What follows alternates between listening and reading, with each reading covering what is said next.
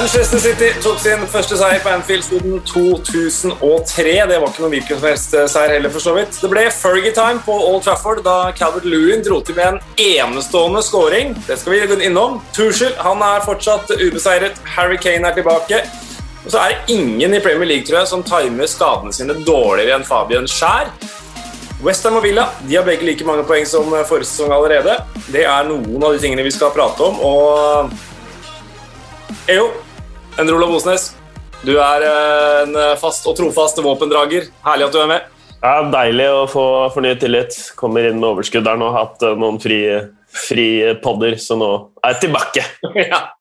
Og ikke minst fra nylig fersk lockdown, Jan Henrik Børsli, velkommen! Oh, yes. Nå bare sitter jeg inne og nyter tilværelsen. Bergen er stengt. Vi har vært der, eller vi er der vel fortsatt. Er vi fortsatt, jo, er vi fortsatt i lockdown? Jeg blir litt usikker ennå. Nei, ja, både òg. Ja, både òg, ja. Kommer an på hvordan du ser det. Ja, det gjør det. Kjempestart der, altså. Vi får eh, prøve å komme i gang med det som, eh, som betyr noe. Vi skal ha noe innspill etter hvert, men eh, Som mener lockdown ikke betyr noe? Sa Jo, jo. jo, jo det, det har jo har vel bare prega de siste elleve månedene, så, men uh, det er rart hva du blir vant med. Um, jeg, eller dere, jeg sa at uh, skåringen til Calvert Lewin var enestående. Er noen av dere som har noen formening om hvorfor jeg sa det? eller? På Trafford? I Premier League i år, for hans del. Det er noe helt spesielt med Calvert Lewins skåring i den der. Tenk litt på det, så kan dere, skal vi ta det når vi kommer til den matchen. Så kan de som lytter også få lov til å Uh, tenke på det. Og så har vi faste spalter i dag, og vi har allerede blitt informert av Jan Henrik om at det kommer en ukjent helt som er så ekstremt ukjent at uh, her må dere bare henge med til slutt. Ja, den, lover, den er bra. Den er meget bra. det var Manchester City også meget bra i går.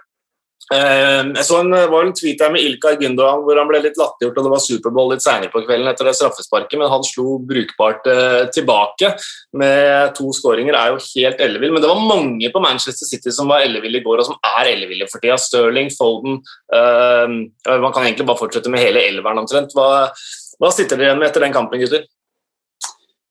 Um, jeg sitter igjen med at uh, lenge var jo det en, en, kamp som du tenkte kunne vippe begge veier. Jørgen Klopp sa i intervjuet etter kamp at uh, han, han, var jo relativt fornøyd uh, ganske lenge. Og så bare eksploderte det plutselig der med, med Foden og Gundogan. Og, men toppnivået til Manchester City er jo ja, De er så gode nå. Ti strake. Det er ingenting som stopper dem. Um, jeg hadde trodd at Liverpool skulle kunne gjøre det bedre. Kanskje vinne den kampen og sørge for at det blir enda tettere i toppen og mer spennende. Men nå er ja, City, er, City er, er fantastiske, men måten, måten, det skjer på, er vel det du sitter igjen med. Og, og eh, Ellison baki der, så Thorstvedt hadde jo en fin gjennomgang av det etter kampen. Alt det røret og de kalde føttene til Ellison som Klopp snakket om. Det, men, men ja, Gundogan er helt ekstremt bra. Det, han er bare fantastisk om dagen. Phil Foden, wow. Og så er det Ellison. Det, det er overskriftene for meg etter det oppgjøret der. Altså, virker det som de har så, de har så stått fram. Jeg, jeg tror det var eh, Crystal Palace, Manchester City, og tenkte da vant Manchester City 4-0. Det er jo det Chelsea har slått Crystal Palace 4-0 denne sesongen. Da tenkte jeg det her laget her, det er for bra. Og så ble Kevin De Brøne skada. Mm. Uh, blir man litt sånn usikker, og så har egentlig bare de andre bare hevet seg. da. Uh, Gondon har på en måte blitt en ny Kevin De Brøne, uh, og, og Foden har stått fram.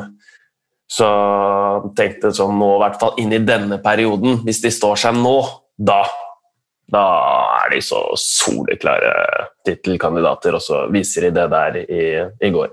Så det er imponerende, og så ser det ut som de har justert seg litt. da. Det er jo eh, altså, blitt eh, De har hatt eh, problemer på spissplass denne sesongen, så de, de har justert seg der og, og mer, mer, balanse da, i, i, gruppa. Så det der ser eksepsjonelt bra ut, og det har de gjort ganske lenge. da.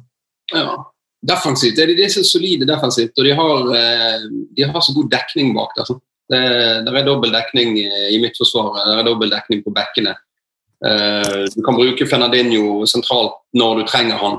Så, eh, og, når de foran og Det har kanskje vært spørsmålstegnet, for hele sesongen har det vært solide defensivt. og så har ikke det lenge fungert og ikke det så bra fremover. Så, men, eh, men, nå når det går på skinner der, og, og Stirling spiller også en helt enorm kamp De der raidene til Stirling i går altså det er en stund siden jeg har sett timingen hans være så bra. Jeg syns ofte Stirling i møtene med Liverpool er litt sånn shaky, da. men et Anfield uten tilskuere, og han får lov til å ja, Han så nesten ut som John Barnes i, i glansdagene når han begynte å raide som diagonalt innover i banen og vektet vekk den ene og den andre. Sånn.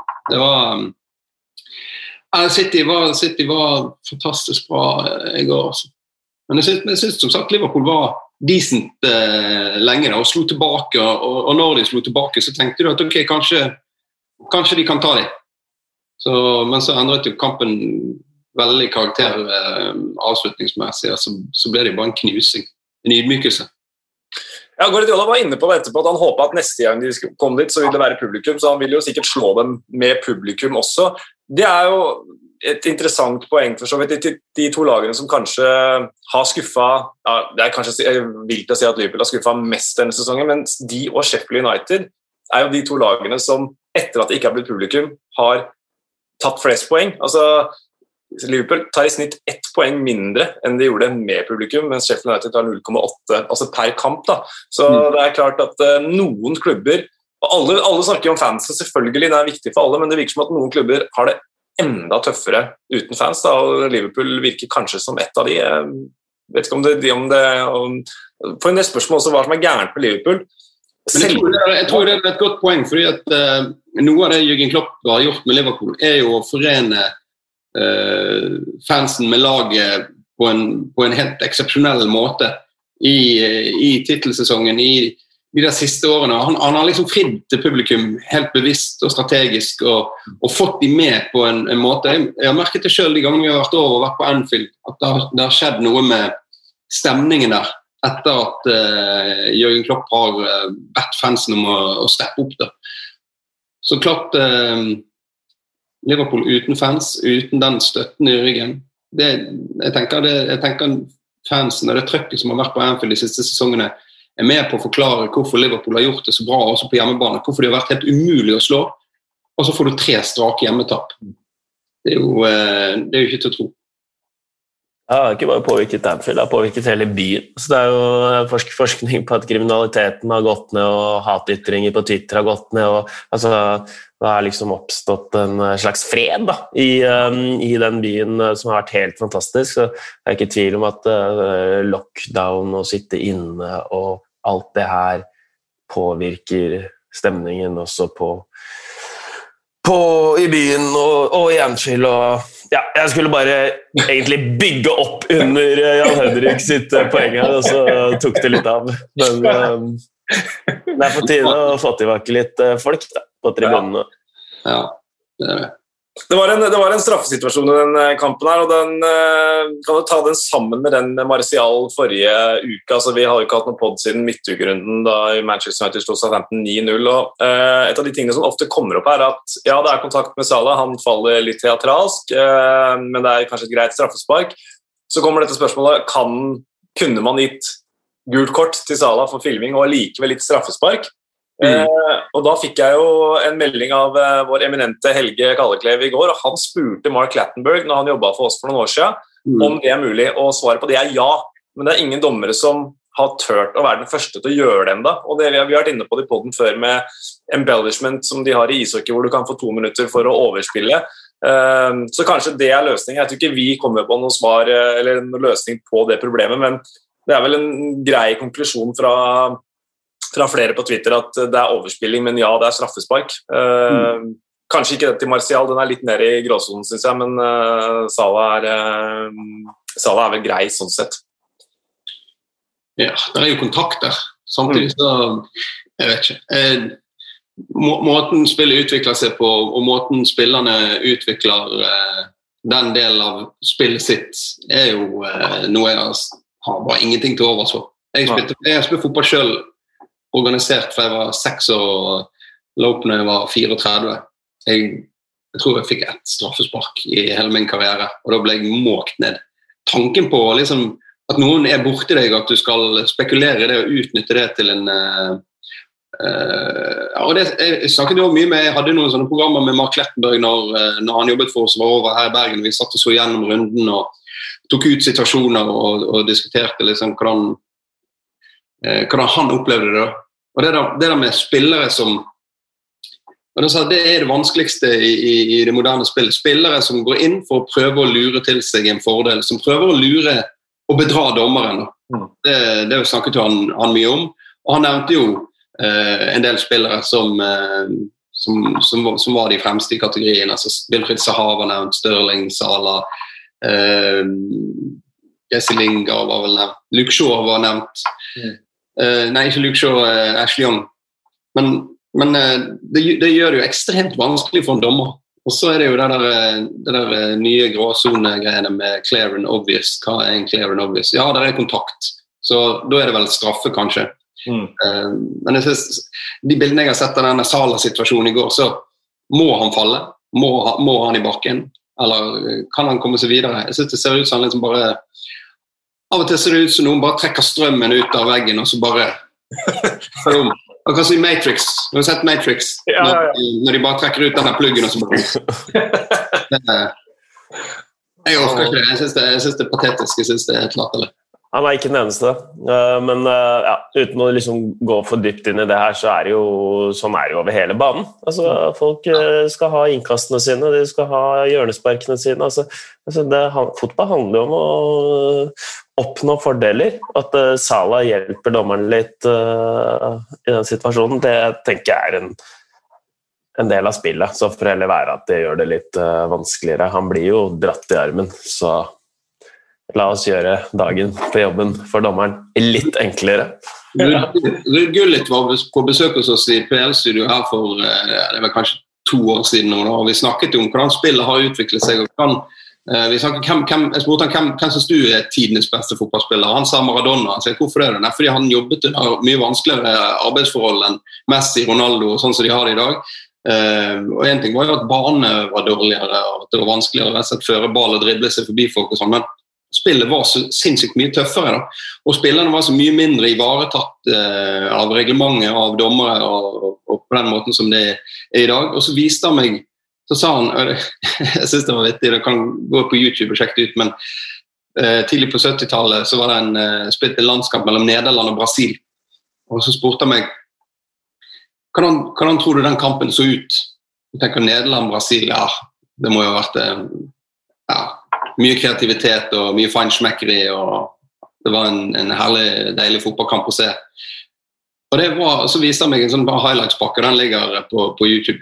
Det er så brutalt at du vil ikke tro det. Altså, folk blir slaktet ned, og så reiser de seg igjen. Det er ikke noe sutring eller klaging. Ja, det blir kanskje litt etter hvert, men, men det er så enormt brutalt. Og fotball fotball har vært så brutal før og så tøff uten at uh, Jeg sier jo ikke at, at, det er nødvendigvis er en bra greie. Det er jo bra at spillerne er ivaretatt på en annen måte, men, men uh, akkurat det der det der å strekke, strekke regelverket og utnytte det, det Ja, men Det har de i hvert fall gjort i alle tider. Men uh, det er liksom vanskelig å ta fotballspillere på moral da, uten å gå det, det, er en stor debatt, fordi eh, det, det, er jo såpass mange fordeler man ønsker seg rundt omkring på banen. og Da snakker jeg ikke nødvendigvis bare om filming. Men uh, det, det, er jo litt sånn videodømming legger opp til uh, de greiene her òg. Så kan se en sånn hver minste lille kontakt uh, spoler tilbake og kjøre i sakte film, og det kommer sikkert inn på Ja, det gjør vi. utover. At det, det blir jo liksom har forandra seg. Jeg er ikke uenig, jeg bare prøver å si at jeg syns det er vanskelig å vurdere moral ja. på banen. For det handler til syvende og sist om å vinne. Du, du er prest, ikke du? ja, men jeg tenker at det her skjer innenfor et regelverk. og man, ja, men Vår Herres regelverk gjelder også. Må foran en dommer. Må oppføre seg. Det vil jeg si, ja. Ja, Krig og kjærlighet er jo det meste loven. Nei da, men uh, man skal oppføre seg. Men uh, jeg tenker at uh, Salah um, At det skjer innenfor et regelverk. Så hvis man blir tatt for filming, så løper man den risikoen. Ja, jeg er enig i det. Banen når man taper ansikt foran millioner av tilskuere, og til syvende og sist så taper du bare selv på det. Du, du får et uh, rufsete rykte da, som Ja. vil innhente deg. Da.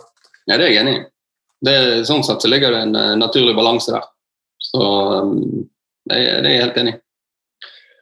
Men det så altså det var, Jeg syns det var en fin og nydelig, litt sånn lang og god digresjon. Jeg. Så, da koste vi oss eh, litt med, med litt moral og etikk og sånn oppi dette hele også. Veldig, eh, veldig godt, gutter. Eh, Bare helt avslutningsvis eh, med Manchester City, så er det jo Håkon Grøtta skriver, eller Håkon G. Grøtta skriver at eh, Bare skriver geni når det kommer til Guardiola. altså 2-5 mot Leicester tidlig i sesongen. Det der tapet mot Lyon rett før altså i Champions League, hvor alltid gærent. Eh, og det laget som vant i 2020 Eller eh, nei, 2021 Nei, 2019. Ja. ja, det, det har smuldra opp, men allikevel klart å bygge et nytt mesterlag, så eh, kudos til, eh, til Pep også, selvfølgelig. Eh, vi drar til Old Trafford, og nå lurer jeg på om eh, dere har fått eh, tenkt litt opp i det hele hva som var så spesielt med mål til Calvert Lewin. At det kom så seint, at det var i Fergie-time og et eller annet der. Nei, egentlig ikke. Han eh, Har du et til en tanke, Eo? Nei, jeg sliter. Ja, det er bra. Da sliter du like mye som jeg gjorde da Henrik eh, snakket om en ukjent helt i en uh, ikke nevnt kamp før vi starta her. Han brukte to touch, gutter. Det har han ikke gjort på noen av de andre Premier League-skåringene sine denne sesongen. Ikke de andre, jeg, jeg har ikke sett alle fra ligacupen, men jeg tror han har brukt ett touch på alle skåringene sine denne sesongen. der, Men nå brukte han to touch. Han tok den ned. Ja, Først. tok den med seg. Ja. Det var et bra nedtak òg, det. Hva sa du, Henrik? Det var et bra nedtak òg, det. Ja, ja, ja. Vi hadde denne stetten her på Gabriel Jesus for eh, et par sesonger siden òg. At, at han skåret eh, alle målene sine med første touch. ja. Um, ja. Kenguruen uh, Carrot Lewin kan også ta imot en ball. Ja, Det er jo fantastisk, og det er gøy å se. Vi har jo på en måte venta litt på han i den podkasten her og en stund. Mm. At han eh, er den han er nå, det syns jeg er stort. Ja, Det han, ble, ja. Å, sorry. Men det ble, det ble altså 3-3. Det var vel 95. minutt eller et eller annet sånt. United leda 2-0, og så leda de eh, 3-2. Det er selvfølgelig eh, stor kreditt til eh, Everton, men Solskjær sa etterpå at eh, han kunne ikke tro at de ikke vant den kampen. Men som han sa, eh, du kan ikke slippe inn et mål hver gang de treffer innafor stengene. Og ofte så er det på en måte sånn eh, måte å si ting på, men her var det faktisk fakta. Fordi Everton skåra på alle de tre målene sekundene som gikk innafor stengene. ja. Ja. Men jeg stusser på allikevel måten eh, og tidspunktene målene kommer på. Eh, sånn, selv om de har få på, på streken der. Jeg skjønner ikke hvorfor de skal drive og tømme laget så ut eh, av pause der i andre omgang, og måten de spiller overtiden på. Eh, det synes jeg For meg er det rart. Jeg lurer på hva de har prata om i pausen. Skal de ut og bare jakte 3-0 her nå og få det så kjapt som mulig? For de tømmer jo laget, og så har det gått et par minutter eh, av andre omgang, og så er de, er de like langt. Så alt det de har jobba for i første omgang eh, borte, så får de en siste. og så syns- Jeg syns de spilte overtiden veldig lite tilfredsstillende og kynisk òg. Ja, og det til tross for at Solskjær eh, valgte å sette inn Tuan CB for nettopp altså, You had one job. Det var for- at tiden går og, sant? og, og, og, og bare renske unna. Men eh, det er vel han som lager frisparker, og han, han er en av de som bare står med luen i hånden når, eh, når ting skjer, selv om det er Maguire som opphever offside og sånt. Men eh, det må, det må, det må, jeg tenker at Solskjær var han var skuffet etter denne Sheff United-kampen og, og måten du liksom ga vekk poengene der på. og Da var det jo en del ting som var utenfor utenfor hans rekkevidde. Og, og, jeg mente jo da kanskje at, han kom, at Solskjær gjerne ville angre litt på laguttaket sitt til den kampen her, hvor han benket en del spillere som, som jeg tror hvis han hadde startet med, hadde gitt laget mer fart og, og vant den kampen og skapte litt mer. Uh, og også her så kommer, kommer de til å sitte med den følelsen, jeg er enig med deg i. på når slipper de inn målet? 2-0. Får denne skåringen rett før pause, så bare går du rett ut og slipper inn. Og denne, Den første gålen der er jo det er, så, det er så mange ting som, som går galt, eller som ikke er bra nok. da. Mm. Og det, det, føltes som et, et sløseri fra Manchester United, og det må jeg tippe irritere voldsomt alle involverte. Spillere, manager, alt. Du kastet vekk en, en kjempemulighet. Ja, ja Sløseri syns jeg også er et veldig godt uh, kanskje bilde på Manchester Uniteds januar. Altså, Har de nå sløst bort en gyllen mulighet? Du har Liverpool som har vakla, du har hatt Manchester City. Ja, de har vært innmari gode, men de har vært uten sin beste spiller. De har sleit innledningsvis, og så så alt så bra ut. Uh, er det her, altså jeg kan ikke avskrive dem i tittelkampen, for det går ikke i en, i en sånn sesong. men, men, er det her rett og slett en, en gyllen mulighet som de har klart å søle bort? Det er fem poeng rett ut vinduet da, mot Sheffield United og, Everton. Og, og, fem poeng som du nok føler at du burde hatt. Og Hadde du hatt de fem, så hadde du vært eh, du hadde vært lik med Manchester City nå, da, selv om City har en kamp til gode. Men nå er det klart, vinner City hengekampen, så er det åtte poeng opp. Mm. Da begynner det å bli mye for et lag som, eh, som bare har en enorm flyt og seiersrekke og eh, kvalitet nå. Så. Men samtidig så gikk jo Solskjær ut og, og nærmest avskrev og avblåste United i, i forhold til tittel. og ja, jeg vet ikke helt sånn tanken bak det eh, internt i spillergruppen. Så eh, etter 23 kamper så, så, gjør man vel gjør man vel ikke det. det og Vi finner jo litt ut eh, nå den neste. Det skal bli utrolig spennende, den uh, perioden som kommer nå. og Den har på en måte City starta med, med Liverpool. Det, det, gikk bra. Men uh, de, de, som venter nå, først er FA-cupen, så er det Tottenham, Everton, Arsenal, Champions League med borte mot Borussia München-Gladbach, og så eh, hjemme mot Westham, og så Manchester United. Så det er en vanvittig sånn spennende periode nå, da, hvor vi kan få en del svar. Så vi fikk jo det første da i går med, med Liverpool-matchen. så men jeg tipper eh, det er et par managere og, og lag da, som har lyst til å, å klå City litt. Så det skal bli, bli, moro å se. Ja, det blir veldig spennende å følge med. Men eh, ja, City er jo, er jo kjempefavoritter, men, men det, at skal, det, at de skal, spille fire turneringer uh, det er, er, jo nesten, ikke tid til å avvikle alle kampene som Manchester City skal spille fra nå til sesongslutt. Så, og det er jo en Eh, på et eller annet tidspunkt kanskje så, så, så, så kommer det en dupp. City og United som startet sesongen og kom nesten rett inn i sesongen fra, fra den tøffe forrige sesongen hvor Champions League og, og Europaligaen varte så lenge at det nesten ikke var ferie. De startet litt slakt, og så har de fått, eh, fått eh, fart på det. Altså.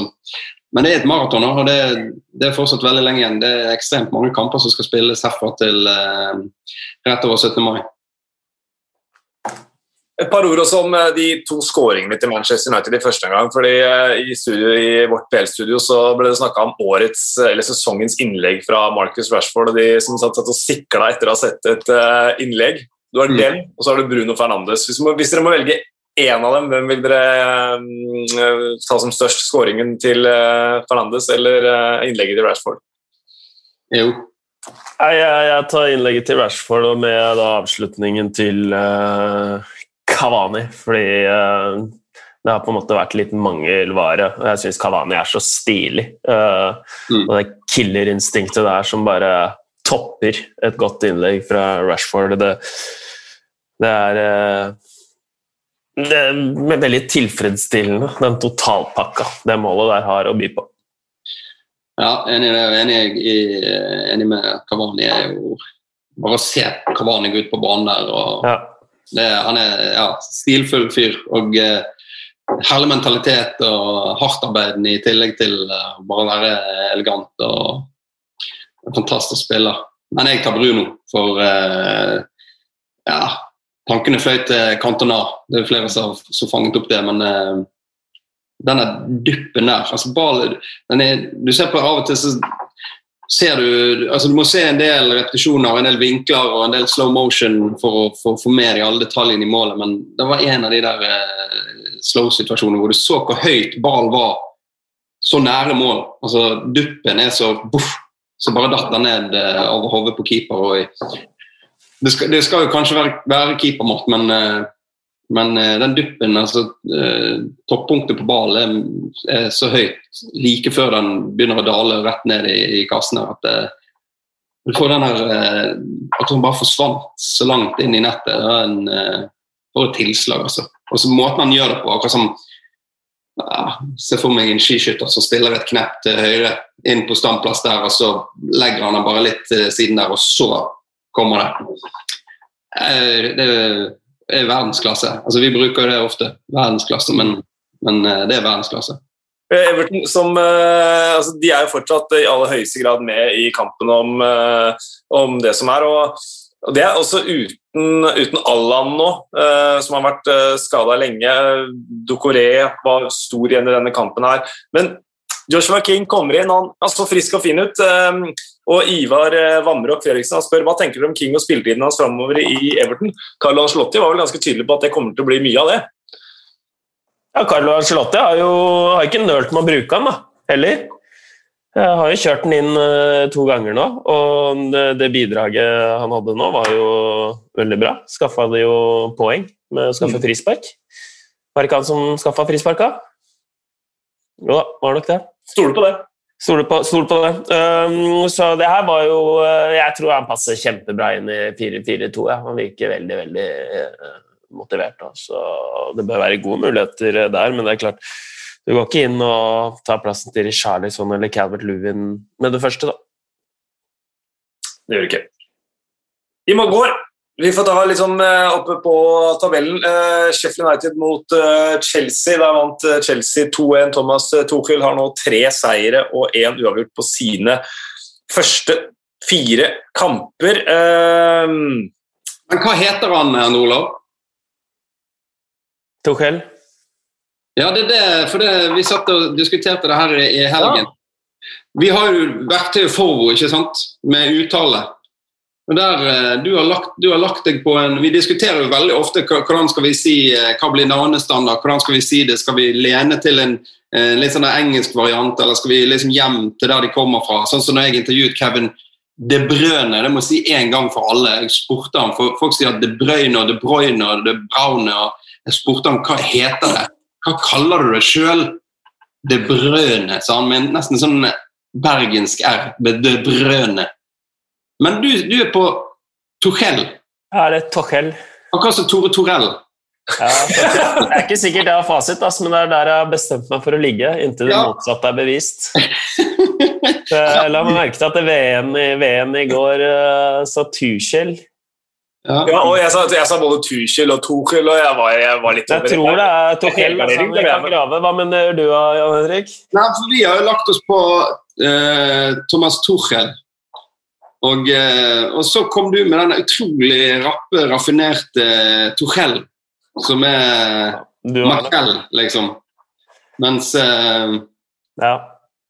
Så det er Tuchel. Thomas Tuchel, eller Ja, det gir nok mening. men, men jeg, er ikke, jeg, jeg har ikke sjekket han på forord, det det er derfor jeg spiller han. Ikke på å liksom si at du tar feil, men fordi vi vi er ikke i synk.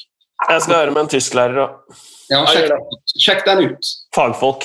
Jeg Ja. håper egentlig du har rett, for jeg syns, det klinger bra når du, når du kjører Tuchel. Ja, takk. Ja. Jeg tror vi må vurdere en sånn egen pod om uttale på spillernavn og trener og sånt, for der er det mye mas.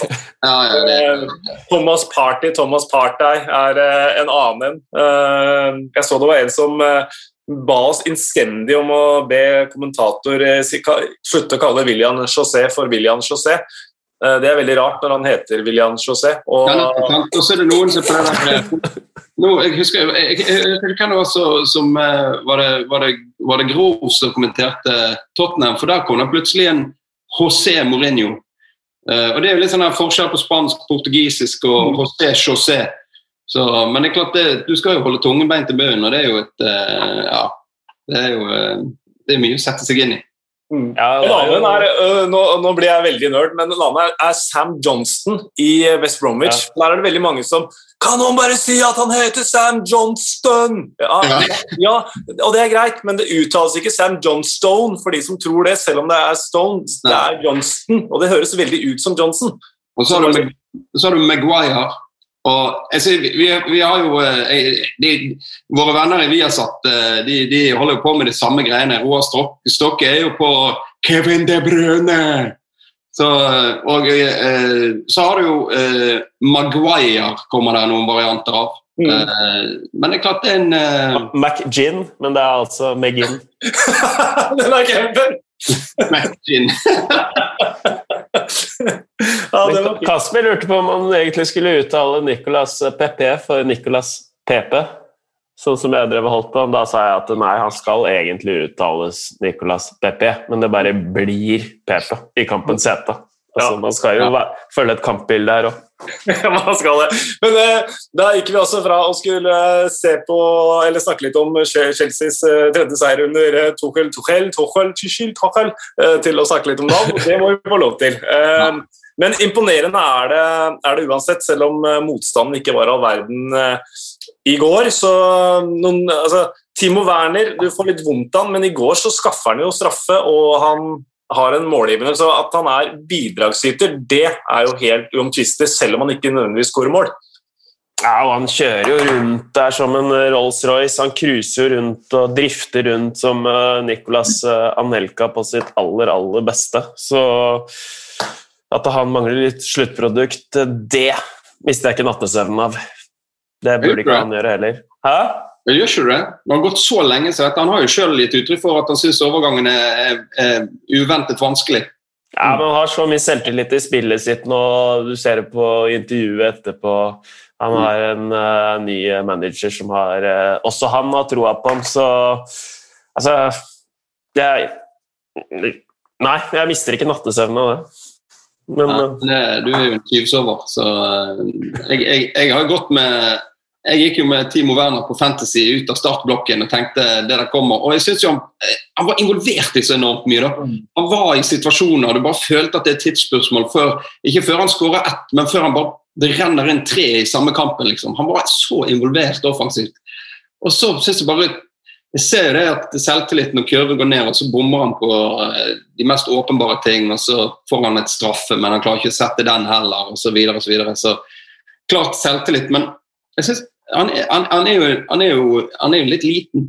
og han, eh, Selv om han er fottrapp, så er det klart at det han sier om at Premier League er fysisk og tøffere enn han hadde forventet, det, det i forhold til hans spillestil, og, så tenker jeg at det, det er en utfordring for ham. Men eh, ja, men han kommer til målsjanser og ja, såpass bra i banespillet, så jeg kommer, til, å våkne, jeg kommer til å våkne om nettene en, en gang eller to, i hvert fall. Så, ja. Men eh, ellers så er det ok. Vi får se om, om den, eh, det som så ut som en lårskade, om den eh, gjør at dere får god, natt, god nattesøvn eller ikke. Kanskje han ikke får spille de neste kampene. Det, det, det gjenstår å se. Men det, det Thomas Tuchel har, Tuchel har gjort også, er jo han gir jo alle en sjanse her. Altså, han øh, har jo rullert litt, men nå har vel stort sett alle sammen av spillerne fått en mulighet til å vise seg fram, før han kanskje da bestemmer seg for det som er øh, Jeg fikk likevel en følelse av når han tok av både Chilwell og Giroud i går, at eh, uh, ja, Al- Alonso faktisk er foran Chilwell i, i rekkene. ja, det tror jeg han er nå. Mm. Så ja, Det var et godt poeng. Det tenkte jeg, tenkte jeg ikke over. Kanskje jeg var, kanskje jeg var altfor fastspent på Mason Mount i og med at han ble vraka i den første, og så han får starte etterpå. og ha litt eh, ekstra hjerte for Mason Mount. Ja. Men nå har Chilwell, Chilwell hatt to, to strake på benken, så fikk han starte, men da blir han tatt ut etter 61. Ja. Det, det, det tenkte jeg var et signal, og det samme for, for Giroud. Han, denne ørkenvandringen hans i, i Chelsea med å skulle overbevise om at han skal være førstevalg osv. Jeg vet ikke. Men så litt eh, tenker for Ben Chilwell, enormt bra spiller? Så, som ble hentet for den eh, solide prislappen, og som var tiltenkt eh, ja, at han skal bekle den der eh, venstrebekken i, i mange, mange år. Mm. Og så, du, så skjer det, og så er plutselig karrieren din eh, potensielt sett eh, snudd på hodet. Du får ikke lov å gå på jobb eh, så ofte lenger. Han, han Tuchel han kan jo i hvert fall Han har litt trua Han har faktisk skikkelig trua på Nå er ikke jeg i de eh, situasjonene så ofte som deg, men av og til så klarer jeg jo å havne i en eh, situasjon eh, hvor jeg intervjuer vedkommende. Da. Jeg klarte å klovne meg inn i et intervju da med Thomas eh, Tuchel da, på Santiago Bernabeu, faktisk, hvor Real Madrid hadde PSG i åttendels da bare tenkte jeg han her, han liker jeg. Eh, han har sånn derre Jørgen Klopp-karisma. Mm. Og han svarte så Jeg spurte om kampen, og no, it wasn't quite a tennis game. We, expect. Altså, han var så leken. Da. Eh, så, og når du ser de stjernene han håndterer i P, har håndtert i PSG, at han kan drive litt god spillelogistikk i Chelsea, det er jeg ikke i tvil om. Han, han, liker jeg veldig godt. Som, han kommer til å bli en attraksjon, tror jeg, framover. Så ser på, Han rullerer jo mye, så det, det kan jo hende at jeg svartmaler litt i forhold til Chilwell. Sånn, at han kommer til å, å la alle og trenge alle, kanskje. Det har vært litt utfordringen til, til Lampard. Mm. Å ha for mange som han ikke bruker. Ja, men man ser jo de åpenbare favorittene han har, da. Som mm. Antonio Rudiger. Nå skåret han selvmål, han føler jeg er en åpenbar favoritt. Uh, ja. kan liksom minne litt om sånn Han liker en sånn ballsikker, sånn som Verratti da, fra PSG. Men da sliter Kanté. Hva sa du? Da sliter Kanté, da. Snille, fine ja. Ngolo Kanté, som uh, bare går rundt med det der herlige smilet sitt, og som som er best i verden på det han er god på. Ja, han, eh, men nå har jo han vært litt ute òg, men eh, han, han, er jo foreløpig bak uh, Jorginho og Kovacic. De har han jo brukt, de to. Og de har vært gode. Ja. De har vært knallgode. Det er utrolig hvor rart det er Hvor fort det snur, da. I forhold til hvem som, hvem som ser deg, og hvordan de ser deg, og hvilken idé de har, og hva de er ute etter. Hvem er sjefen din? Hva er det han vil? Og så så får du eh, mye jobb, eller så får du lite jobb. Det, der er fotballen nådeløs. Det er den for Sheffield United også. Nå har de, de har fortsatt 11 poeng. og Weiler sa vel at når du gjør eh, så elementære feil som blir straffa på ethvert eh, nivå i fotball, så vinner du ikke fotballkamper. og Det begynner å brenne et eh, Er det blått lys det heter? Det er ikke sikkert lyset brenner engang, for det, det, ser tungt ut. Men, men de har sesongen fra 91-92 fortsatt å lene seg på. De finner noe trøst der, og så får vi håpe for Weilers del at de klarer å å krige seg opp, men det ser egentlig tungt ut for alle de tre som ligger under streken nå. Uh, jeg håper det skjer litt, uh, sorry, men jeg bare håper det skjer litt der nede nå. At de kan begynne å plukke litt poeng. for Det er veldig veldig spennende i toppen. Jeg har lyst på den spenningen i bunnen nå. Mm. Den fikk vi ikke. De har, de har, jo dratt de der to seirene på de siste, da, så det, jo, eh, det har jo vært noe fremgang. Jeg syns jo, jo, de var decent mot Chelsea også. Mm. Og det er jo, det er jo jeg hadde jo egentlig tenkt å kjøre inn uh, den godeste Børk som ukjente helten. For uh, han var involvert, han, han holdt jo på å skåre helt innledningsvis. Og så er det jo noe med han. Jeg husker da han kom inn mot Manchester United på Trafford, så tenkte jeg oi, oi, oi, nå skjer det. Og, og så blir han matchvinner i den kampen der. Han er en sånn fyr som du blir litt redd når han kommer på banen, for han er så sinnssykt rask, og han er fysisk. da. Så hvis det plutselig ordner seg for han som hadde den der uh, fryktelige rekorden med å når du spilte i Premier League. Jeg husker ikke hvor mange kamper han kom opp i, men han slo Gareth Bale. gjorde han det? Han slo med én kamp, tror jeg. 25. Ja. 25 kamper uten at laget ditt tar uh, vinner, var det? Ja. ja. I hvert fall. Når han, uh, det, han, han, skremmer jo Rudiger til å sette den ballen i eget nett. ja. Han er jo det når han jager, og Rudiger vet at han kommer, svære, raske, sterke mannen.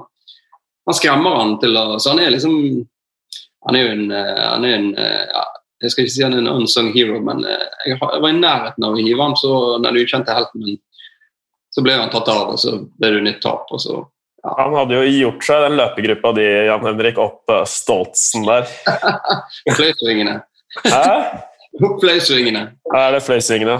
Ja, men jeg tror ikke han er god i motbakke. Det tror jeg ikke. jeg har ikke hatt noe annet enn motbakke det siste året. jo, det, er, det er mye mat, Jan. Det er mye ja. mat. Uh, ja, apropos disse lagene i bånn. West Bromwich uh, de, uh, de, har jo ikke fått den effekten de ville under Big Sam, og de klarer ikke å, å holde nullen. og det er, Big Sam snakker om det i hvert eneste intervju, at de må tette igjen bakover. For deres del og West Bromwich en del, og kanskje de nøytrale, så var vel høydepunktet da Sam Allardyce lata som han tok innkast på overtid i en kamp hvor, West, hvor, Tottenham hadde Kane tilbake, og Jørn Henland spør er Tottenham det laget som er mest avhengig av en enkeltspiller. Ja. Det mm, mener jeg man tydelig har sett nå. Ja, kanskje nå. Samtidig tidligere når Kane har vært ute, så syns jeg ofte sånn Son har steppet opp. Men nå er jo den linken mellom Kane og Son har jo blitt eh, litt annen greie enn det har vært tidligere. Men jeg syns ofte en del andre har steppet opp når Kane har vært ute tidligere. Men sånn som det ser ut nå, så er jo det De så jo helt sånn fastlåst ut. Eh, uten Kane, og så kommer han tilbake, og så er det bra. Men de det er jo et par andre spillere som har manglet der også. Da. Det er jo ikke bare Kane. Men jeg tror Tottenham sin tropp er mer sånn sårbar for å få for mange skader. da. Mm. Savner jo litt Del Alli òg, som kunne stått opp der og Nettopp, sant. En Del Alli i form, eh, Regulon eh, Mm. Ja. En, eh, Tottenham på sitt beste syns jeg er bra. Altså Når Tottenham har alle mann alle, og, og eh, de får den rytmen de skal ha, det syns jeg, det synes jeg de er Ja, og de ligger jo eh, Hva har de nå? En, en kamp til gode på de topp eh, Ja, så de ligger jo Ja, en del av dem, ja. De er på 36, da, så vinner de den hengekampen. Så er de oppe med Westham Chelsea, ett poeng bak Liverpool f.eks. Så de er jo ikke, ikke hektet av på noe som helst måte. Selv om, selv om de har hatt en litt seig periode der uten Kane. Så ja. Denne sesongen svinger så mye at uh, jeg tenker at Tottenham, eh, Tottenham sitt toppnivå er, det er klink topp fire. Men bunnivået er meget lavt. Ja. Kane, da. Det var hans om det var 208. skåring. Der han uh, likt med en Bobby Smith som uh, nest mest skårende i Tottenhams historie. Jimmy Greaves foran 266. Det eneste som kan hindre han fra å ta den rekorden, er vel at han går til en annen klubb, tenker jeg, når det kommer til Harry Kane. Uh, og så er det en annen ting som jeg merka meg litt med eller som jeg har sett før jeg merket, altså, med, med spillet til Tottenham. at Nå spilte de mot et båndlag, men nå spilte de ganske bra fotball også. De hadde Bekkene var høyt, de skapte mye sjanser. så det, akkurat det var jo, I tillegg til resultatet så var det litt lovende tendenser kanskje da, for Tottenham, men så er det jo antageligvis rett ned i uh, blokka igjen da, når de skal møte Manchester City i uh, neste kamp. Kan ikke tenke meg at de angriper der, det vil overraske meg veldig i hvert fall. Men tar de den der, så er jo da er alt fryd og gammen igjen i José Mourinho-land hvis de vinner på Etiad. Ja, Mourinho har jo han har lyst på den, da. Så det skal jo bli, det skal bli um, moro. Så jo det derre Nei, Det er jo stort med Mourinho og Pep Guardiola. Jeg så det intervjuet med Pep uh, hvor han var rimelig um, oppgitt over Klopp, da, som mente at de hadde fått seg to ukers pause under korona. Han mente han ikke holdt seg til fakta som uh, var litt utypisk Klopp, for her oppførte han seg som en annen manager. Det må jo ha vært Mourinho. Ja, jeg tror det. Det er alltid gøy når de to møtes. Men de slo eh, Tottenham vant jo den tilsvarende kampen på, eh, i London.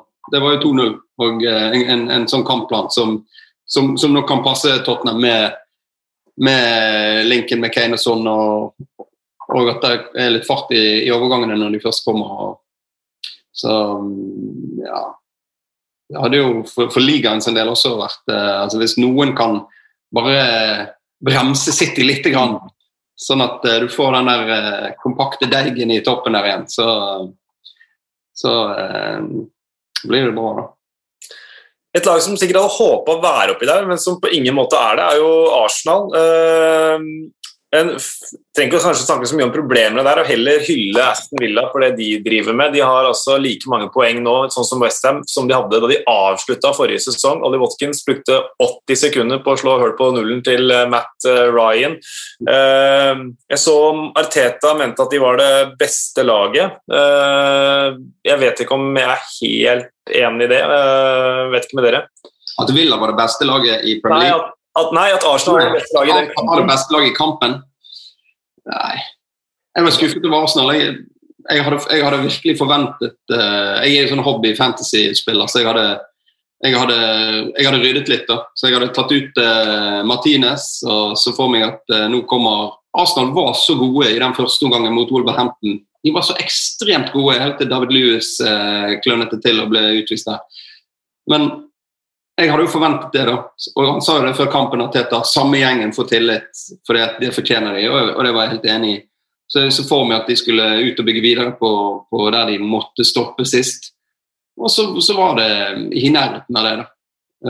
Men, men Villa, er, Villa er veldig gode. Og Jack Grealish er jo helt ekstremt bra denne sesongen. Altså. Det, er, det er oppsiktsvekkende å se hvordan han liksom bare setter tempo i kampen og styrer det og, i overgangsfasen her. Det der, når Jack Grealish legger ut på løp og bare begynner å drive av gårde, det er jo verdt, eh, verdt sumoabonnement alene. Ja, det er det. Spente muskulaturen som bare setter fart med ball i uh, åpent landskap der. Favorittleggene sitt overmål. Ja, det er stor idrett. Ja. Nei, men, altså. Jeg er enig med, jeg er enig med det, det, du sier der. og Jeg kommenterte jo kampen og hadde jo faktisk Arsenal i den Wolves-kampen, og da var det jo helt fantastisk. og var litt som Simen sa i studio, at uh, alt det der plutselig er jo det borte. Uh, men jeg syns det kom seg, og jeg syns faktisk uh, synes faktisk Martin Ødegaard gjorde et veldig godt uh, inntrykk når han kom inn. Uh, du, du ser han er en god fotballspiller som passer til det laget der. Og er kjapp i ballbehandlingen og veldig uh, Beveger seg veldig bra. Han var, jeg syns han var, jeg synes han var Han så ut som han var jækla på hugget, Martin Ødegaard, når han kom inn. Mm. Gode bevegelser, holdt oppe tempo, klarte å skru opp farten i det offensive spillet til, med, med, med, og uten ball. Og, det slo meg når jeg så han der ute at uh, han beveger seg litt sånn som David Beckham gjorde. Han løper litt sånn som David Beckham. David Beckham var jo ikke en ekstremt rask fotballspiller, og, og det er jo ikke Martin Ødegaard heller. Men, men uh, fotballtempoet hans, måten han liksom kommer seg inn og ut av situasjoner, er ganske bra. da. Han skaffer seg, uh, skaffer seg det nødvendige arbeidsforholdet og rommene til å gjøre de tingene han kan. Hadde han klinket den ene i, i kassen, hadde den pasningen han, han, fikk vært litt hardere, sånn at han ikke hadde trengt å dra til ballen så mye, og da kom en mann inn i taklingen like før eh, skuddet gikk, så hadde han kunnet bare plassert den i nærmeste, og jeg tror han hadde gålet. Mm. Men det gjorde han ikke, og da vant uh, Aston Villa 1-0. Ollie Watkins skåret i sin uh, fjerde kamp uh, på rad. Og da er Aston Villa skal vi se her, ja, Elemente på niendeplass. De har da også hengekamper, så de er også med i uh, miksen der. Så det er, det er topp ti her, hvis du tar med Arsenal som er på tiendeplass, hvor, det er, hvor det er ganske jevnt. og men der går jo skillet. Det er jo det, når du ser på tabellen. Ja, det er Arsenal, ja. Det er det som er litt uh, muggent for Arsenal med det resultatet der. at De er nå de er i toppen av del to. De, ja. er, de er hektet av. Det der, der går skillet. 31 poeng på 23 kamper. Villa har 35 poeng på 21 kamper. Mm. Hvis Villa vinner hengekampene sine, så er de forbi Liverpool på tabellen. Tottenham har hengekamp. De kan komme opp på 39. Everton har to hengekamper. De kan komme opp på 43. Så eh, Fra Arsenal opp til Westham nå, som er det første laget over dem på tabellen som har like mange kamper spilt, så er det åtte poeng. Mm. Ja, og jeg ser nå Leeds også, som er på 29. De har jo to kamper mindre enn Arsenal eh, bak dem. Så ja, glem det jeg sa om topp ti. Top 10 ja. Skillet går på ni. Ja, det ser sånn ut nå. Det, det syns jeg er litt dårlig nytt for, for Arsenal eh, resultatmessig. Er ikke det bra, altså? I, uh, i Newcastle Ja, sorry. Det fine med det her er jo at dette bildet kommer jo til å forandre seg utover sesongen. Nei, nei, nei. Det er avgjort. Alt er ferdig. Det er det. statisk. Ja. Ja, ja, og statisk. altså, En ting som er med Vi skal, vi skal til neste kamp på Newcastle. Det, noe som er statisk der, er jo at Steve Bruce får kjeft, og at uh, Mike Ashley får kjeft. Mm. Men det som ikke er statisk, er at de plutselig vinner fotballkamper igjen. Eh, og i den kampen her så var det jo offensivt uh, morsomme også. Joe Willoch med kjempedebut i en uh, heseblesende fotballkamp, er vel det det best kan beskrives som. Det er kanskje vanskelig å plukke ut ett eller to øyeblikk fra den matchen. Er det noe, som, noe dere tenker på sånn umiddelbart når dere, når dere ser tilbake på den kampen? Jeg syns det var eh, Som du sier, eh, så har det skjedd noe der. Jeg syns det er moro Almiron og Willoch. Grunnen til at Newcastle tror jeg er, er jo at eh, Bruce baserer seg litt på, på gode enkeltspill her i angrepsspillet. Mm. Jeg syns han har en tendens til det. Så at St. Maxima er tilbake, han har fått inn Willoch og at Almiron uh, melder seg på, det tror jeg er uh, hemmeligheten. Så var det utrolig spennende. Da. Det er gøy å se et lag liksom lede med ett mål, uh, og så det andre laget jakta 11 mot 9 da. I et kvarter der. Det er jo spennende. Ja, og det var jo litt sånn, og i tillegg så er liksom han som har vært den eneste garantisten for mål der, eh, må tas av etter 5-36 der. Så Callum Wilson ut. Det forteller jo noe om styrken i eh, prestasjonen og resultatet til Newcastle i den kampen. der. Eh, jeg syns Almiron er en, en herlig fotballspiller. og det er sånn jeg bare Jeg bare håper på bedre uttelling for hans del. Så hadde han litt tur nå. Og ditto utor, stakkars Jan Bednarek. Han, han, han ønsket jo sikkert at det røde kortet skulle stått. Fikk, at den karantenen ble opprettholdt. Tenk det. Komme fra Old Trafford, lage, lage straffe, eh, bli utvist, skåre selvmål, og så blir det omgjort, og så, det, så bare skårer du selvmål igjen. For, du bare så det på ansiktet hans. Det bare raknet helt der. Åh, Stakkars Jan Benrek. Så, um, men, eh, men eh, jeg, jeg, liker Stibrus Jeg syns Brus er en Jeg har faktisk møtt Stibrus her i Bergen. Han var på Fyllingen og Vadmyra sin fotballskole sammen med Lee Sharp i 1994. Og Da var jeg med å organisere denne eh, fotballskolen. Da var vi ute og spiste middag sammen med Stig Brus etterpå. Så uh, utrolig hyggelig fyr skikkelig eh, Og det sier jo de som jeg har snakket med også. Jeg skal snakke med Darren Fletcher når han var besøkt oss i studio. og Han bare, han hyllet Steve Bruce. da. Så alle sier at han er en hedersmann. Uh, og, og, og, er du en hedersmann, så, så, er jeg på lag med deg. Jeg, da, da, vil jo jeg at det skal gå han bra. Så, og så, så, så slår han nedenfra. sant? Kom inn og overtok etter Rafa Benitez. Eh, dette kan ikke gå bra. Han ikke, har ikke peiling, han er ikke god nok. Alt det der alle disse som skal mene så ekstremt mye uten å kunne så nødvendigvis mye om faget sjøl. Hvis fotball er et fag, og du anerkjenner fotball som et fag, så, så må man anerkjenne Stig Bruce som en fagmann som har holdt på med dette hele sitt liv, og som har spilt på det der gode Manchester United-laget under Sir Alex Ferguson, og som har vært i faget og holdt seg aktuell som manager siden og, utdannet seg. Og, eh, så At Stig Bruce får det til, at Stig Bruce bare reiser seg igjen fra asken og slår tilbake, det elsker jeg. Og det var, det var deilig å se eh, Newcastle sprudle liksom, fremover igjen. De er der. De er, ikke, de er, ikke, hektet av. De kommer ikke til å rykke ned.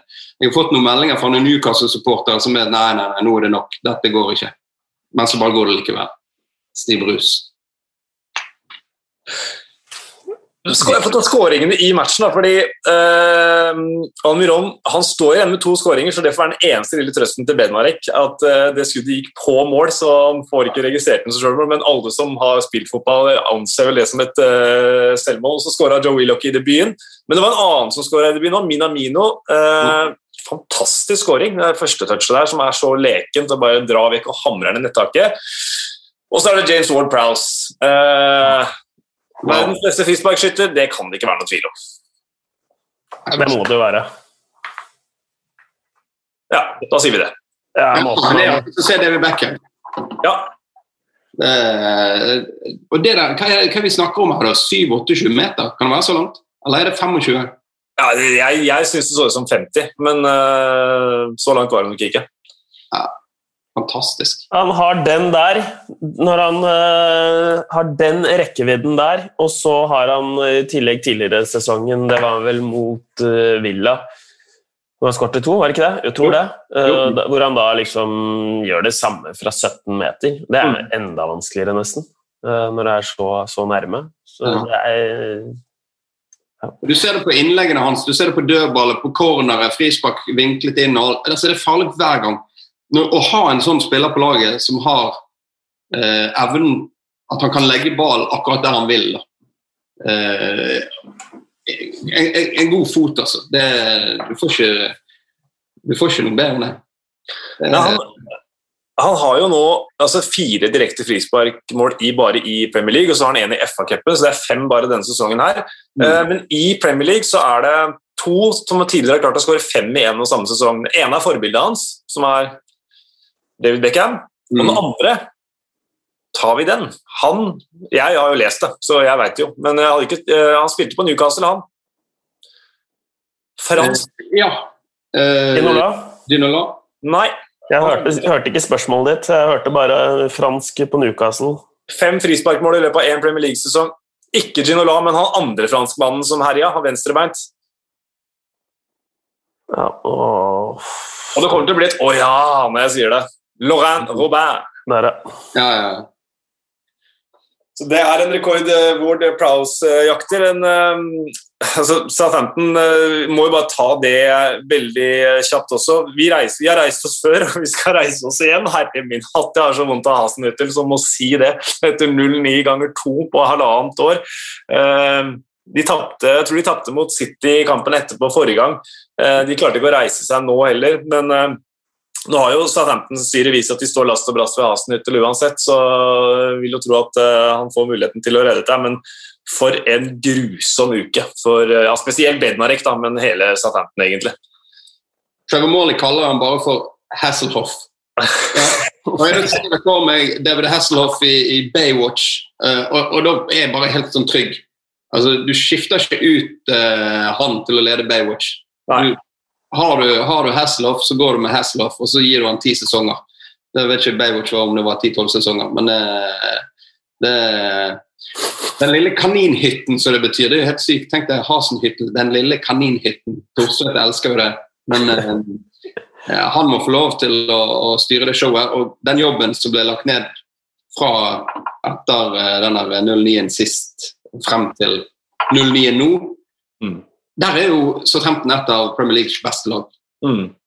Så da får du heller det er bedre å gå på, bedre gå på to skikkelig skikkelige karameller og så være bra imellom enn å ha et sånn halvslakt nivå.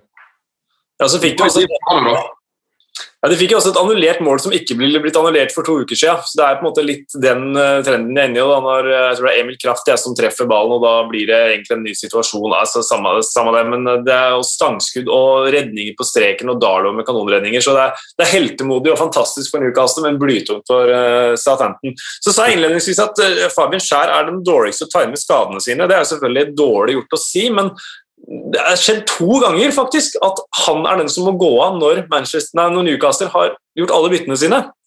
Uh, for uh, det var vel 1.1 i fjor, mot Leicester. Da, hadde, da, gjorde Bruce kjempeendringer i pausen. Tre bytter. Pang! Tok det to minutter, så ble Skjær skada i andre omgang. Så det hele, hele andre omgang med ti mann. Så må kanskje begynne å spare byttene sine litt når han har Skjær på banen, sier Bruce. Ja, enig. Eh, så har vi, vi har tre kamper igjen. Eh, den ene får for bare alle Wolverhampton og Leicester-fans ha meg unnskyldt, men den tror jeg vi kvitterer ut ganske kjapt når oppsummeringen til Nuno Spirito Santo og Brendan Rogers begge var at ja, vi spilte godt organisert. 0-0. Jeg har lyst til å skyte inn en liten ting der. Ja. Og Det er rett og slett at uh, Jeg la merke til Det var du som kommenterte den, Ole? var ikke? Ja. Uh, og du sa uh, Nok en gang må han felles for å stoppes. Hvem snakket du om? Adama Traoré. Ja, Adama Traoré. Altså eh, Mannen som må eh, oljes inn eller smøres med vaselin før kampene på armene, sånn at de ikke skal få tak i han og kunne holde han igjen. Men, men eh, Adama Traoré eh, må jo beskyttes på en eller annen måte. Altså, det, det, jeg syns jo regler ikke klarer å regler klarer ikke å fange opp en spiller som Adama Traoré. Han blir jo ja, han blir hele tiden bare Han må felles for å stoppes. Eh, og det skjer hele tiden. Det, det er akkurat som å se en sånn amerikansk fotballkamp. Der er det jo lov å liksom bare hoppe inn og bare legge ned. Du må bare få lagt det i bakken. For du kan ikke stoppe det hvis ikke du legger det i bakken.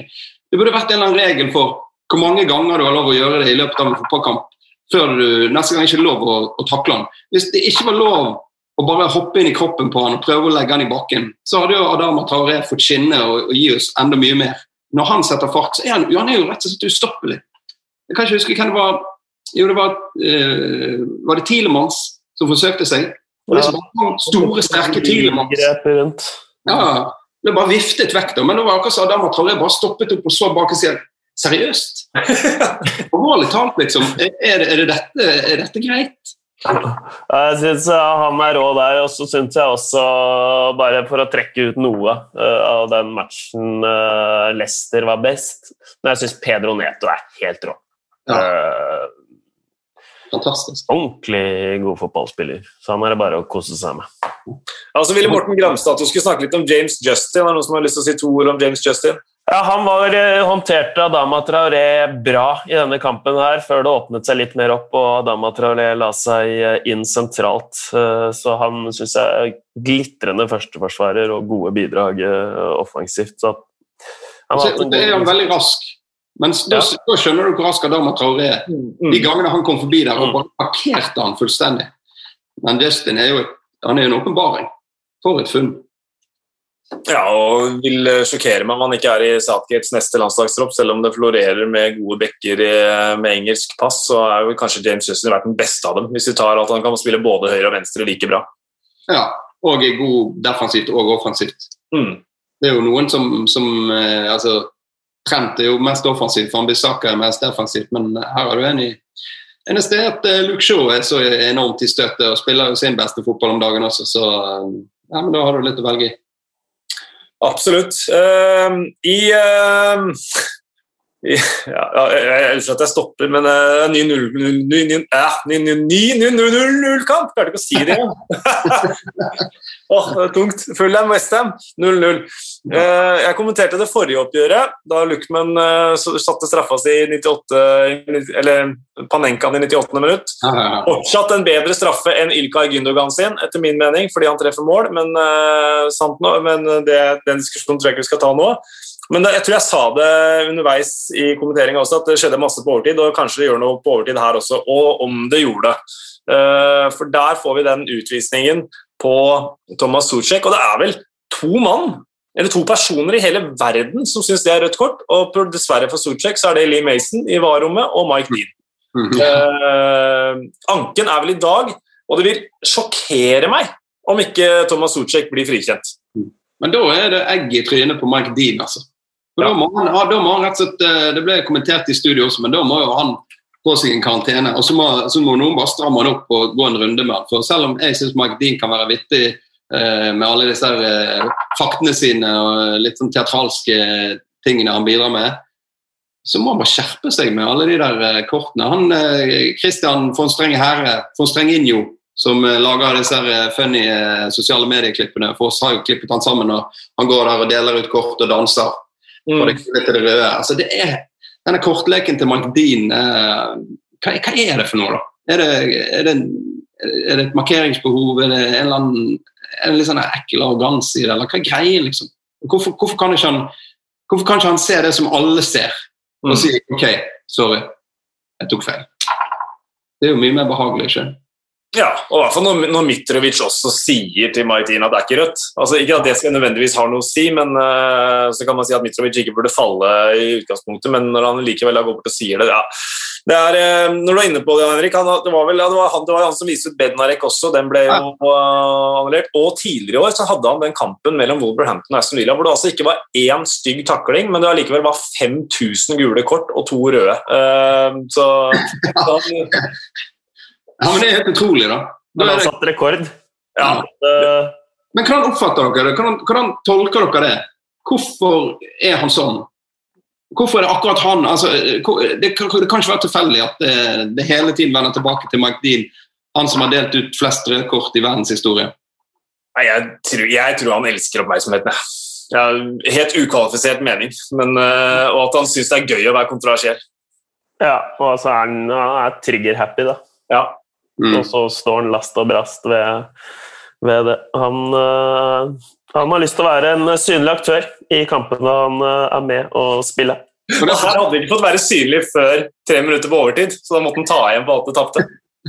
ja, det er jo, uh, Han er jo en karakter, da, så han bidrar jo til diskusjoner og, og, og samtaler, og, og, sånn sett så, så er det, jo, det er jo bra med Han er jo en profil som Men, men av og til med negativt fortegn.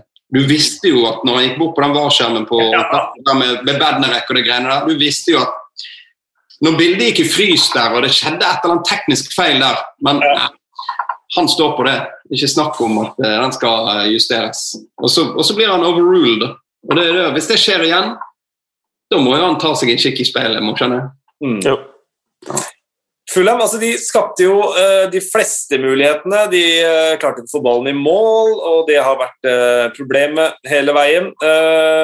Vladimir Tsjofal var jo faktisk nærmest skåring, traff tverrliggeren. og Westham har nå 14 treffer med tallet i løpet av sesongen. Det er flest. Så de har da like mange poeng som de hadde som vi sa tidligere også. Like mange poeng nå som de hadde når sesongen forrige ble avsluttet. Den eh, siste kampen i eh, runden, Burnley-Brighton 1-1. Der var Daesh fornøyd med det de presterte, og Graham Potter fikk, mente Brighton nesten fikk mer enn de fortjente fra den, eh, den kampen der, hvor, hvor Burnley havner løs på Brighton. Men uh, bare for å ta Brighton, da. Mektig imponerende med syv poeng på den uka de hadde, og fem kamper nå uten uh, tap. Seier mot Tottenham, mot uh, Liverpool. Endelig så har de fått tetta igjen litt bakover og skårer mål framover. Så nå ser det ut som at Brighton styrer mot trygg grunn. Definitivt. Og De er ti poeng foran Fulham, så Men Brighton er, det er vel ja, det, det, der med at eh, det jevner seg ut over en sesong og alt det greiene der, det, det er jo ingen vitenskap som sier det, men i Brightons tilfelle så får de så de fortjener noe da, i forhold til hva de har prestert tidligere i sesongen. og der eh, Brighton har spilt så mange gode kamper. Uh, burde hatt uh, bedre betalt for det. Har ikke fått det, men nå får de også, uh, nå får de også plukket litt poeng, og det, det fortjener de. De er altfor gode til å rykke ned. Det kommer ikke til å skje.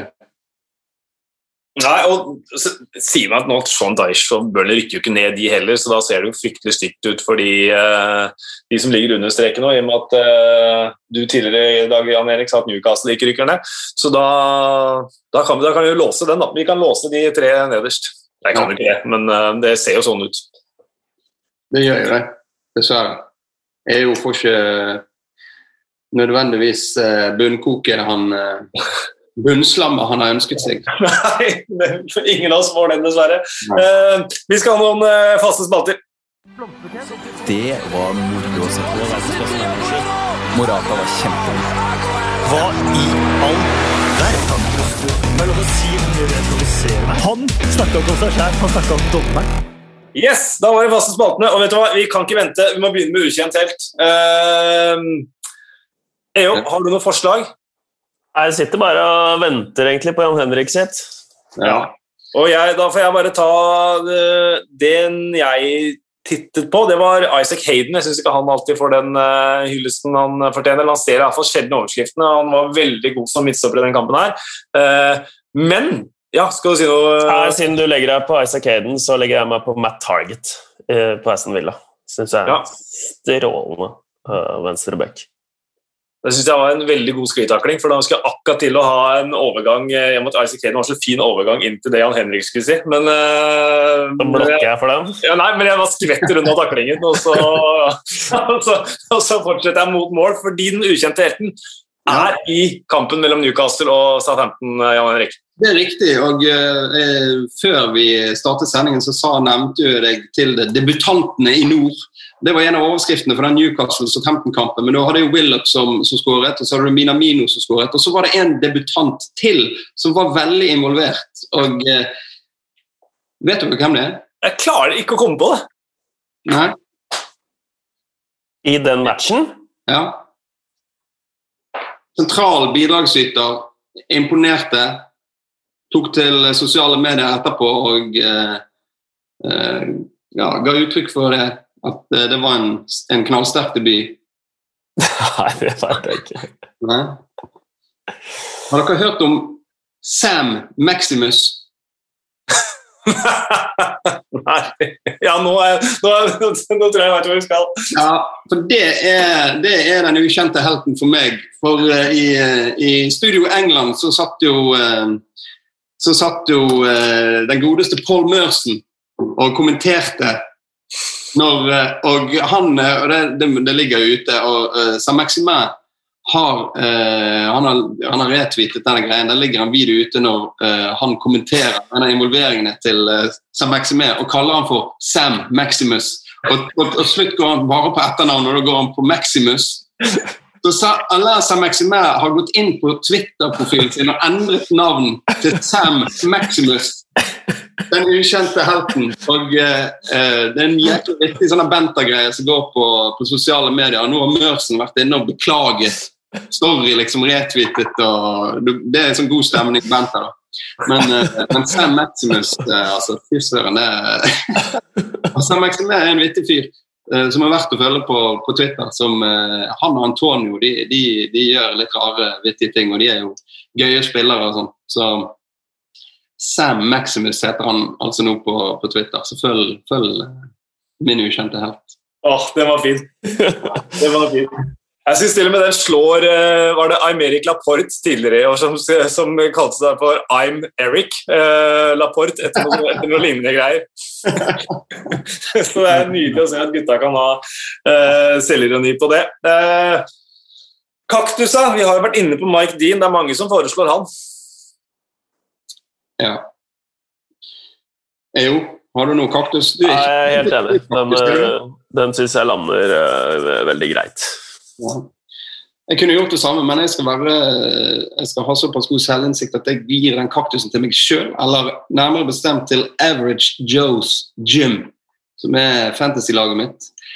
Eh, for eh, ja, jeg har havnet litt i bakevjen, for å si det pent, etter å ha vunnet Ekspertligaen som vi har eh, forrige sesong. Og vært veldig fornøyd med at og tenkte greit i sesong to så følte jeg greit, nå kan jeg, nå skjønner jeg det. Nå kan jeg fantasy. Så jeg gir meg selvtillit til denne sesongen, og så har jeg bare Jeg, jeg er så på, på etterkjelk at det er helt plagsomt. Så jeg tenkte greit, vær litt sånn fremsynt nå, gjør noen grep. Så jeg tenkte greit, Mané kommer til å spille. Liverpool kommer til å, til å, gjøre noe med City. Phil Foden har vært eh, Jeg har hatt han på laget. Ut med Foden. Han, eh, han sanker ikke noe særlig poeng. Eh, inn med Saka fra Arsenal. Det, han er i støtet. Så, Arsenal kommer til å, til å overraske, overraske. Arsenal fortsetter, så de tar Villa. Jeg tror jeg bare kastet 40 poeng av gårde. Average Joes Gym ligger og hviler på 46 eller noe sånt. Så det er så, jeg er så bakpå. Jeg ser liksom bare dere bare raser av gårde, og der sitter jeg alene i den nitriste båten min. Så det blir mer kaktus. Det er stort, det, da. Ja. Dedikere en kaktus til seg selv der. Så utrolig gjennomsnittlig. Average Joe's Gym. Dere prøver navnet på Dere har sett denne Dodgeball-filmen Ja, med Vince Warner i det, det heter det, det taperlaget. De slår jo tilbake og, og vinner jo til slutt, så det kan ta med i historien. Ja, Altså, jeg har mitt, jeg har mitt hund og katt AS. Ja. Det er jeg funnet ut at uh, hvis, jeg ikke, hvis jeg prøver å være smart, så går det alltid åt skogen. Så nå eh, gjør jeg ikke noe, og det går bra. Så jeg kan anbefale det, Jan Erik. ja. Du lever, du lever. Du har Bamford som kaptein, sier jeg. ja, jeg har det. Hvis det, han blåser inn tre her nå Det har jeg òg. Det var nok et sånt grep som jeg tenkte nå skal jeg være litt alternativ for å, for å være litt lurere enn alle. da. Så Det er ett, et av eh, grepene i samme serie, så det kommer jo til å gå neste ja. Det er tungt for meg at jeg har gjort akkurat det samme grepet, Jan Henrik.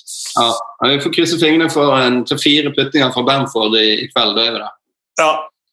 Uh, øyeblikka eh, ser Calvert Lewins utligning på overtid eh, foreslås på Twitter. Er det noen som har noen eh, bedre øyeblikk eh, de har lyst til å løfte fram? Det var jo et, det var et klimaks i det, da. Ja. Det hadde også enorme, kan ha enorme konsekvenser òg. Så, så var det et par øyeblikk på, på Anfield òg. Men ja. sist Ja, Calvert Utrolig innholdsrik runde. og eh, Jeg, jeg syns det er så gøy med Premier League denne sesongen. For det, det, det skjer så mye kokos. Det skjer rare ting, det skjer andre ting, det skjer nye ting. Uh, så jeg, jeg syns det er Men ja, den Calvert Lewin-greien er jo Jeg syns sånn Bruno Fernandes sin også er sånn wow. Mm. Sånne ting som du kommer til å huske. Men uh, konsekvensen av Calvert Lewin sin skåring var at Solskjær bare gikk ut og sa ja, ikke snakk om oss som en tittelkandidat lenger. På Blomsten så har Eirik Felle et, uh, synes jeg, et godt eh, forslag. Blomster Shelby, som enda ikke har mista huet i en duell. Han har jo alltid en latterlig stygg takling per sesong. Eh, det kan være enig, men det er fortsatt lenge igjen. Eh, så kanskje må vente til etter sesongen eventuelt. Ja, Gi han en oppsats når, eh, hvis han lykkes gjennom hele sesongen. Ja. Ja, Enig. Og så er jeg på Jeg, jeg, jeg, jeg har så vondt av Aksel Tuan CB. jeg altså. Inn mot Leicester, skårer sjølmål. Styrer den til Oliver Burke i mål og inn og skal være med å redde poeng, og så lager han det frisparket. Jeg vet ikke om det fortjener en blomst, men det fortjener i hvert fall litt eh, medfølelse, syns jeg. Ellers er Phil Foden av mange foreslått eh, til en blomsterkvast. Hva tenker eh, panelet? Ja, jeg, er, jeg, er, jeg er litt der som eh, du var innom med, med sånn sympatiblomst og medfølelse. Så, og den er ganske klink til Ellison for meg, altså. For uh, det, ja, det var rart å se verdens beste keeper plutselig bli helt fullstendig middelmådig. Så, og da tenker jeg han trenger en blomst. Så mm, tenker jeg sånn velkommen tilbake på jobb-blomst med Johnny Ja. Otto, kanskje. Som har vært Ja. ute med korsbåndskade, og så får han 45 minutter her og gjør, gjør det bra. Det er jo hyggelig, det, når du er tilbake. Ja. Jeg synes jeg, Det er mye kjærlighet i blomsterbukettene nå. Velkommen tilbake til eh, Johnny. Alison, plaster på såret og Litt eh, Jeg vet ikke om eh, blomster. Jeg er ikke så fan av blomster. Jeg tenkte faktisk på det, for Klopp sa jo at Alison frøs sikkert på beina. Dette Jeg får alltid strikkesokker av min mor til jul.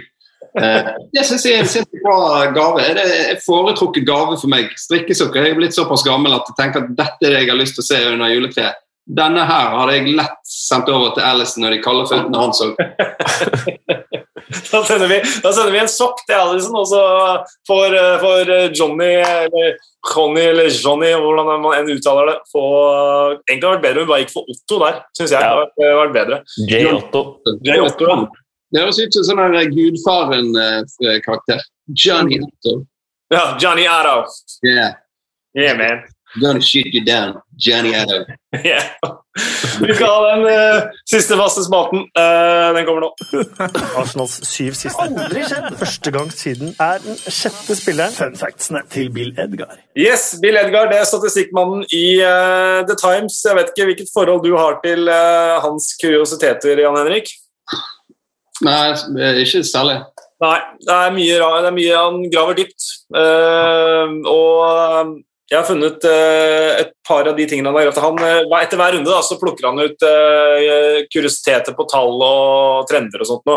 Og denne gangen her så er tallet tre, og nå er det bare å henge med. altså. For etter 68 kamper uten tap har Liverpool nå tre strake hjemmetap. Fulham de spilte ikke 0-0 hjemme på 196 ligakamper. Nå har de tre 0-0-kamper på rad. Det er første gang siden 1961 Liverpool og Manchester United har sluppet inn minst tre mål på hjemmebane på samme dag. Og På de siste 21 kampene har Everton tatt tre poeng mer enn Liverpool. Mm. Og 3-3 på Old Trafford. Ja. Og 3-3 på Old Trafford. Å! Det er tre Tre debutanter i Newcastle. Ja, Poeng. mer. Han tok tre poeng. mer. Mere. Med tok tre poeng. Ja. Ja, tatt tre poeng der, ja. Uh, skulle si å si Harry Kane ute i tre kamper, men det har han ikke vært. Uh, litt mer tre her. Det er nemlig tre City-lag som vant sine divisjoner i 2018-2019-sesongen. Da vant Manchester City Premier League, Norwich City vant Championship, og Lincoln City vant League 2. Nå leder Manchester City Premier League, Norwich City leder Championship, og Lincoln City de leder League 1. Så da kan vi få en eh, aldri så liten gjentagelse der. Ja, Det er jo strålende link til tre, det òg. Ja, det er jo det. Tre gule kort i kampen mellom Liverpool og Manchester City. Og nå er det sterk. spiller nummer tre på Manchester City, Ruben Diaz, han fikk ett av de tre. Ta og Send en uh, rolig mail til eh, han som kommer inn i det teamet her. Jo. Så snakkes vi. Tre er for øvrig et primtall. Ja. Og nå snakker vi om Premier League, er vi ikke det? ja, Phil Foden involvert i tre skåringer på Anfield. Ja, men det, det er jo gøy tallek. Jeg syns jo han er eh, eh, eh, The Oily Sailor, eller uh, Up to Joe, han, uh, vår venn, uh, han er jo ofte flink til å komme med sånne uh, kuriøse statistikker, tallbaserte ting som har noen rare historier bak seg òg. Så han kan kanskje være noe å følge og, og, og ta inn i, inn i tallspalten. Mm. Uh, vi, vi, vi, har vi har to til. Phil Foden vunnet 23 av de 24 kampene han har skåret i for Manchester City og England. Spilte én uavgjort, så det går bra for lagene når han skårer. Og hvem er egentlig Big Six nå? Leicester har like mange poeng som Arsenal på de siste 101 kampene. Så den er jo 160 poeng altså, på 101 kamper. Leicester og Arsenal. Ja. Tenk så med Leicester. De, er, de har bare etablert seg. Det er helt utrolig, altså, men de har etablert seg i toppen av, eh, av Premier League. Det laget som vi har snakket om det de siste årene. Hvem er det som skal inn og bølle? Hvem er det som kan bryte inn og, og, og bryte opp den eh, etablerte sekseren der? Men eh, ja, det er Leicester. Men nå kommer Westham, og så plutselig er Aston Villa der oppe. og Det er jo det som gjør denne sesongen her så ufattelig kul. Og de spiller bra òg. De, de, fortjener jo det, liksom. Det, er ikke, mm. Det, det blir flere gøye eh, kompetitive fotballkamper hvor kampbildet ikke er at ett lag eh, innimellom klarer å tilrive seg noen poeng mot et storlag fordi at de forsvarer seg så godt og får kontre to ganger. Men du får fotballkamper hvor, hvor ja, sånn Arsenal-Aston Villa, det er jevnt. Da må mm. begge må liksom opp eh, i ringene for å få med seg noe. Everton kommer til uh, Old Trafford mot Manchester United. og det, det, er noe, det er noe veldig, veldig kult med dynamikken i denne sesongen. her, altså. Selv om det er mange, mange kjipe ting med sesongen. Og, men jeg er glad vi har Premier League når, ja. det, når vi har så lite annet av det vi setter pris på. Vi eh, rekker dessverre ikke å snakke om at David Moyes uh, så ut som keiseren fra Star Wars, eller eventuelt mannen med ljåen. Men Men det syns jeg var det feteste postmatch-intervjuet. Han, var så, han var så skummel når han sto der og sa han var flau på dommerstandens vegne. Jeg, jeg, jeg frøys nedover ryggen på meg, for jeg venta bare på at Darth Vader skulle komme inn der. Det har, jeg, det har jeg sagt mange ganger før om han. Han ser ut som han er Sith-lorden i Star Wars. Når han, ja. han er, og når han er preget og Han har så mange pannen òg. Han har sikkert gjort mye sånn ja, altså. på at han skal få den der øh, stemmen. Uh. og så på med hetta der, og det halve ansiktet dukka i skyggen. og sånn. Ja, Det rakk vi å prate om allikevel, det var jeg glad for. Uh, vi, uh, vi, ja. vi, avslutter med noen kjappe. Jeg har dessverre ikke tre, det burde jeg selvfølgelig hatt. Men resultattips i kveld, gutter. Leeds Crystal Palace, hvordan går det? Må jo satse på en målrik kamp med mye Bamford-action, så 5-3. 3-2. Det blir mye mål, i hvert fall. Eh, og så et spørsmål som jeg har fått via Espen Tangstad. Klarer Chelsea topp fire? Og tilleggsspørsmålet, i så fall, hvem av de nåværende ryker ut? Uff, vanskelig, altså. Umulig å si. Det er et godt spørsmål. Ja, ja, Liverpool ryker ut. Ja. Tror du det? Seriøst? Jeg prøver bare å svare på et vanskelig spørsmål. Ja, men jeg tenker uh, United Jeg tror Chelsea melder seg på, ja. Manchester United har jo sett litt sånn komfortable ut. og, og liksom, Det er nesten som man tar for gitt at de skal være der oppe, men avstanden er ned. De har ikke klart å skaffe seg denne luken som de burde ha klart å skaffe seg i perioden nå. Så, og Leicester de, de, hadde jo ikke, de hadde ikke det som skulle til for å, å sikre seg den topp fire som så helt klink ut forrige sesong. Altså, det var sånn, De blir tre. De blir tre. Nei, de blir fem. Så Nei, vanskelig å si jeg, jeg tror, Med unntak av City, så tror jeg egentlig alle de som er der oppe, kan ramle utenfor. Så, så fet er den eh, topp fire-kampen. Ja, grei konklusjon, det, da. Ja, jeg syns det. Og da får vi konkludere episoden. Takk til eh, Moderne Media, som har eh, fasilitert. Gå inn på iTunes og gi oss stjerner der, eller gi oss ris og ros på Twitter. Um, Endre Olav Åsnes, Alltid en glede. Takk, eh, takk så mye. Jan Henrik Børsli, dette var stort. Enorm ukjent helt. Sam Maximus. Gladiatoren.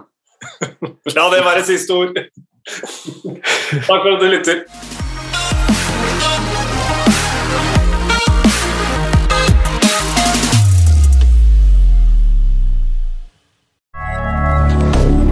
moderne media.